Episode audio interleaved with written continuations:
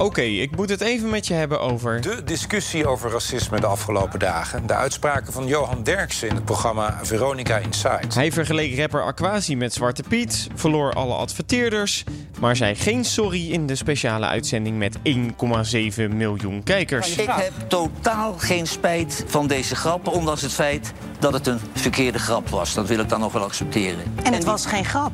Het was als grap bedoeld. Kijk, en dat is nou precies wat mensen graag willen horen. Nou, daar leek het niet op, want die dagen erna werd er vooral gepraat over of de heren wel door zouden gaan met het programma. Want de media stonden er bol van. De aflevering van maandag wordt geschrapt.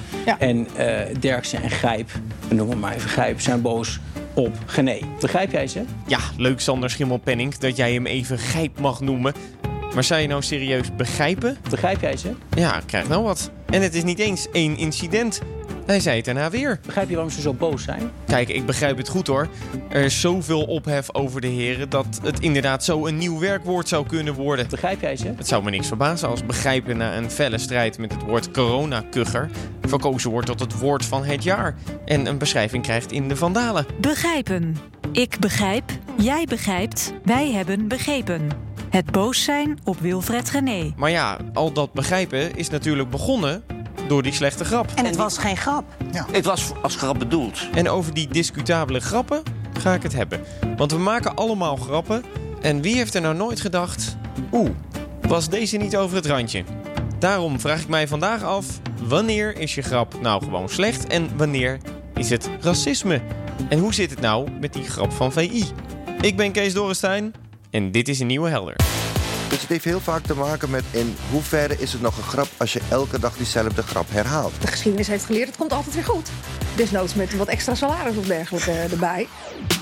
Ik geloof echt oprecht dat het grootste gedeelte van Nederland, over overgrote gedeelte van Nederland, niet racistisch is. Dat geloof ik echt oprecht. Zoek het lekker Het uit om met je hele. Nou ja, wel, wel te bedankt en wel te rusten.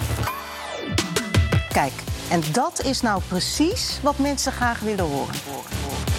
Helder. Voordat je de antwoorden krijgt, wil ik eerst even de setting schetsen. Kijk, ik heet Kees. Ik ben zo wit als een A4'tje. En serieus, ik verbrand al met 17 graden en zon. En dan hoor je wel regelmatig. Vandaag een tomaatje, morgen een chocolaatje. In mijn geval is dat meer vandaag een tomaatje, morgen even bellen met de huisarts over die zwart geworden moedervlek. Daarbij kan ik ook stellen dat ik nog nooit preventief ben gefouilleerd of gecontroleerd omdat ik in een dure auto reed. Dus ik kan wel zeggen, ik weet niet hoe racisme voelt en dat zal ik waarschijnlijk ook nooit weten. En met grappen erover kom ik ook zeker niet weg. Daarom ga ik vandaag alleen maar grappen maken over de oorlog. Nee, nee, nee, nee, nee, nee. Oké, oké, dan niet. De man die mij wel kan vertellen over grappen en racisme is cabaretier, presentator en gewaardeerde collega Jurgen Rijman. Die trouwens ook stukken grappiger is dan ik. Hij vindt dat humor altijd moet kunnen, maar het is wel afhankelijk van de setting waarin je dat doet. Cabaret, dat, dat, moet kunnen. Ik vind dat bepaalde dat humor altijd moet kunnen. Zeker ook in, in, als je kijkt binnen een theatersetting. Waarbij mensen een kaartje kopen en mogen verwachten van jongens, dit en dit gaat hij zeggen. Dus als ik hier kom, moet ik daarvoor ook open kunnen staan. Ja, dan moet je cabaretiers daar de vrijheid in geven. Dat is, dat is de kunst van, van, van de comedy. Maar op het moment dat de cabaretier eh, op de radio of televisie zijn humor eh, gaat gebruiken om daarmee en daarmee kwetsend wordt voor mensen, dan moet je wel gaan kijken van eh, waar de grens is. Jurgen staat natuurlijk bekend om de vele typetjes die hij in zijn tv-show deed. Van verschillende achtergronden. Die deden dan een uur het licht uit. Om milieu te besparen.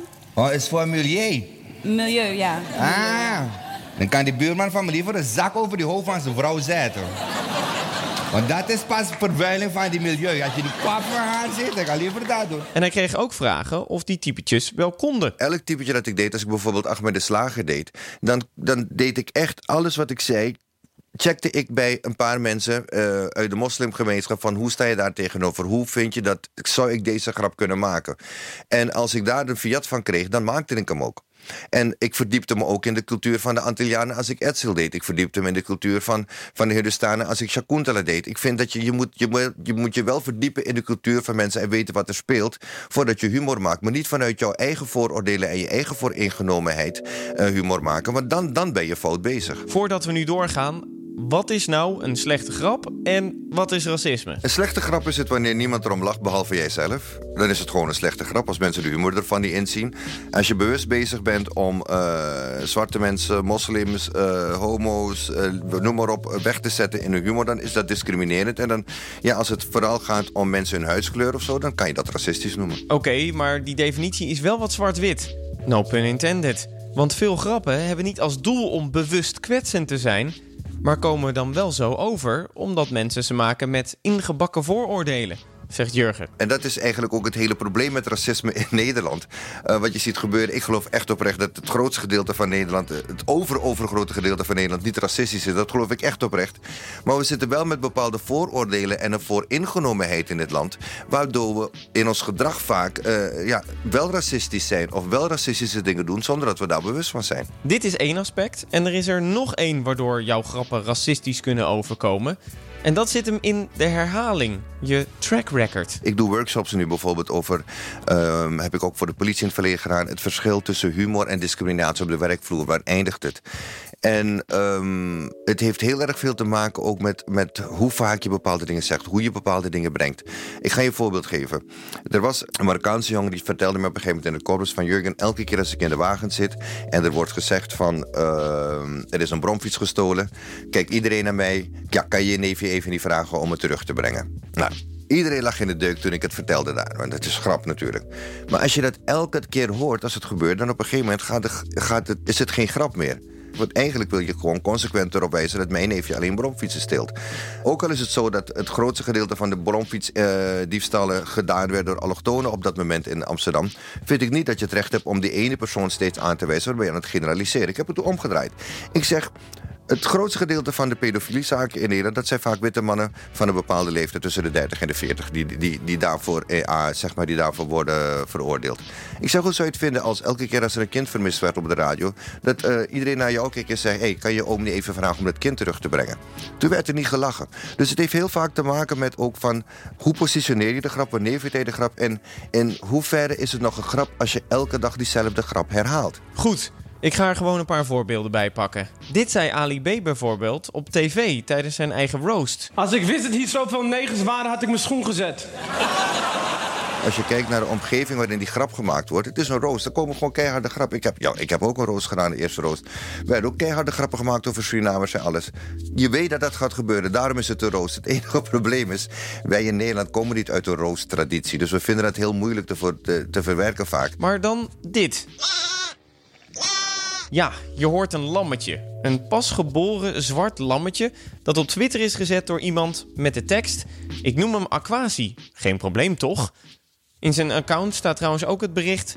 Holland eerst. Dan weet je toch al genoeg waar het vandaan komt? Dus het iemand die bewust probeert om weer olie op het vuur te gooien... door Aquasi op deze manier te beledigen. Tja, eigenlijk zei het lammetje al of deze grap kon. Precies. Nee. Eigenlijk zonde, hè? Dat hij dit lammetje niet anders heeft gebruikt. Zoveel potentie. Daar neem je toch niet op deze manier afscheid van?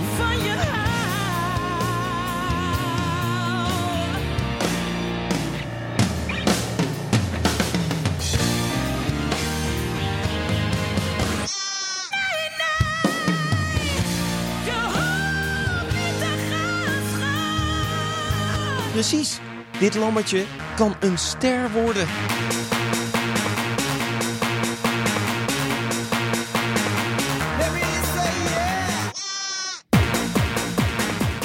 Ik zie dit lammetje eigenlijk al gewoon internationaal gaan. Een lekkere klassieker dus, hè. De groenten, tomaten uit de oven. We gaan een keer zoete aardappel gebruiken. Lamskoteletten, ja, heel lekker, hè. Oké, sorry voor die laatste. Daar was mijn creativiteit echt een beetje op. Maar ja, als ik dit zo hoor, dan weet ik wel wat ik vanavond ga doen. Lam worden. Haha. Kon die een beetje ermee door? Maar goed, terug naar de discussie. Want het lijkt er ook wel op alsof we in Nederland gevoeliger zijn geworden voor bepaalde grappen. Misschien wel politiek correcter. Kan ik als witte man eigenlijk nog wel een grap maken over iemand met een Surinaamse of Marokkaanse achtergrond? Ja, maar dat is, dat, is, dat, is, zeg maar, dat is de tendens waar we steeds meer naartoe zijn gegaan. Ik bedoel, eh, de humor wordt langzaam maar zeker op zeep geholpen, ook aan de andere kant. Want eh, er kan bijna niets meer. Terwijl ik vind, ja, Kees, als jij een goede grap over Surinamers kan vertellen. en ik, ik ken je als collega, ik weet hoe je bent. Ik weet dat je bij je absoluut geen, geen, geen haar op je hoofd ook maar iets racistisch heeft. Dan kan ik dat heel goed hebben, dan kan ik daar heel goed om lachen. En dan vind ik ook dat je dat moet kunnen maken, die grap. Ik bedoel, ik ken ook grappen van cabaretiers uh, die, die grappen maken waar ik echt dubbel van lig. Ik denk dat jij het ook aanvoelt als iemand een grap maakt om, uh, met de intentie van jongens, dit is gewoon funny. Of als iemand een grap maakt met de intentie van kijk, zo zijn ze toch allemaal of heb ik, uh, of heb ik het mis? Nu terug naar VI. Want de presentatoren gaan rollenbollend over straat. Johan Derksen voelt zich niet gesteund door Wilfred Gené. Zoals de situatie nu is, denk ik niet dat het nog goed komt. René van der Grijp vergeleek Gené dan weer met een NSB'er. Ik heb gezegd, die NSB-methode die, die ligt hier lekker. Toch die oorlogsgrap, hè? Nee, nee, nee, nee, nee. En Gené legde zijn situatie serieus uit op Radio Veronica... met wel een opvallend vrolijk achtergrondmuziekje.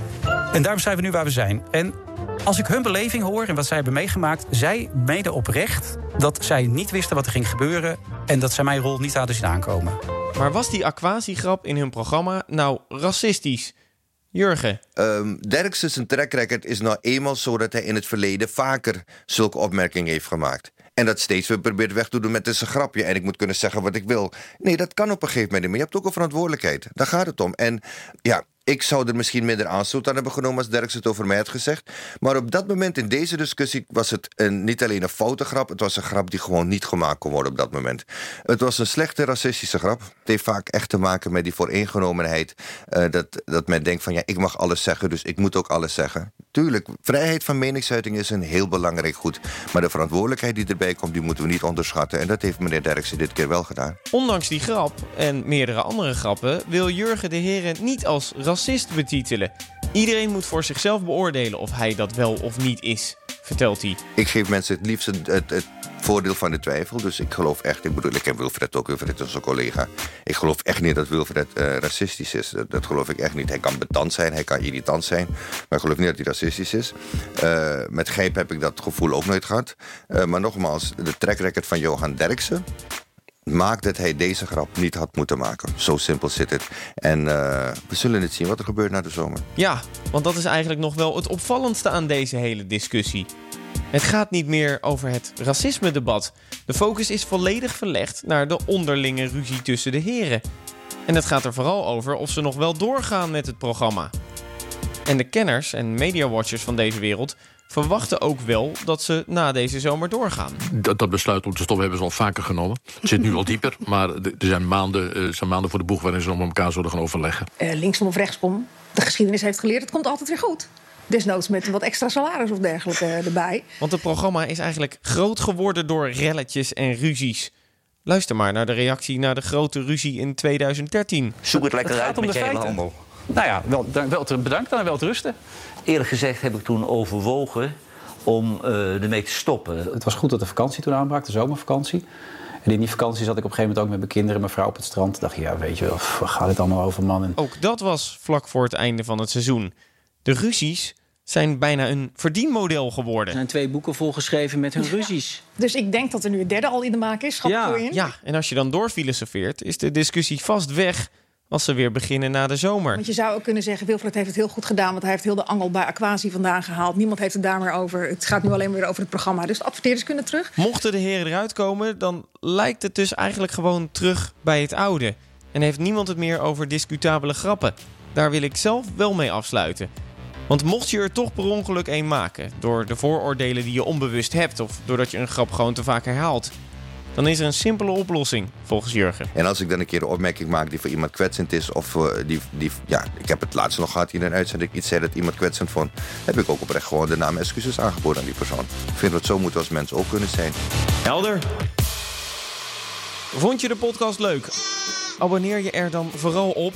Want dan zie je ook de andere afleveringen voorbij komen. Elke week een totaal ander onderwerp om je een klein beetje slimmer te maken. En luister je via Apple Podcast? Laat dan vooral een recensie achter. Als je vragen of opmerkingen hebt, twitter ze naar Kees van de Radio. En volgende week weer een nieuw onderwerp. Lekker helder.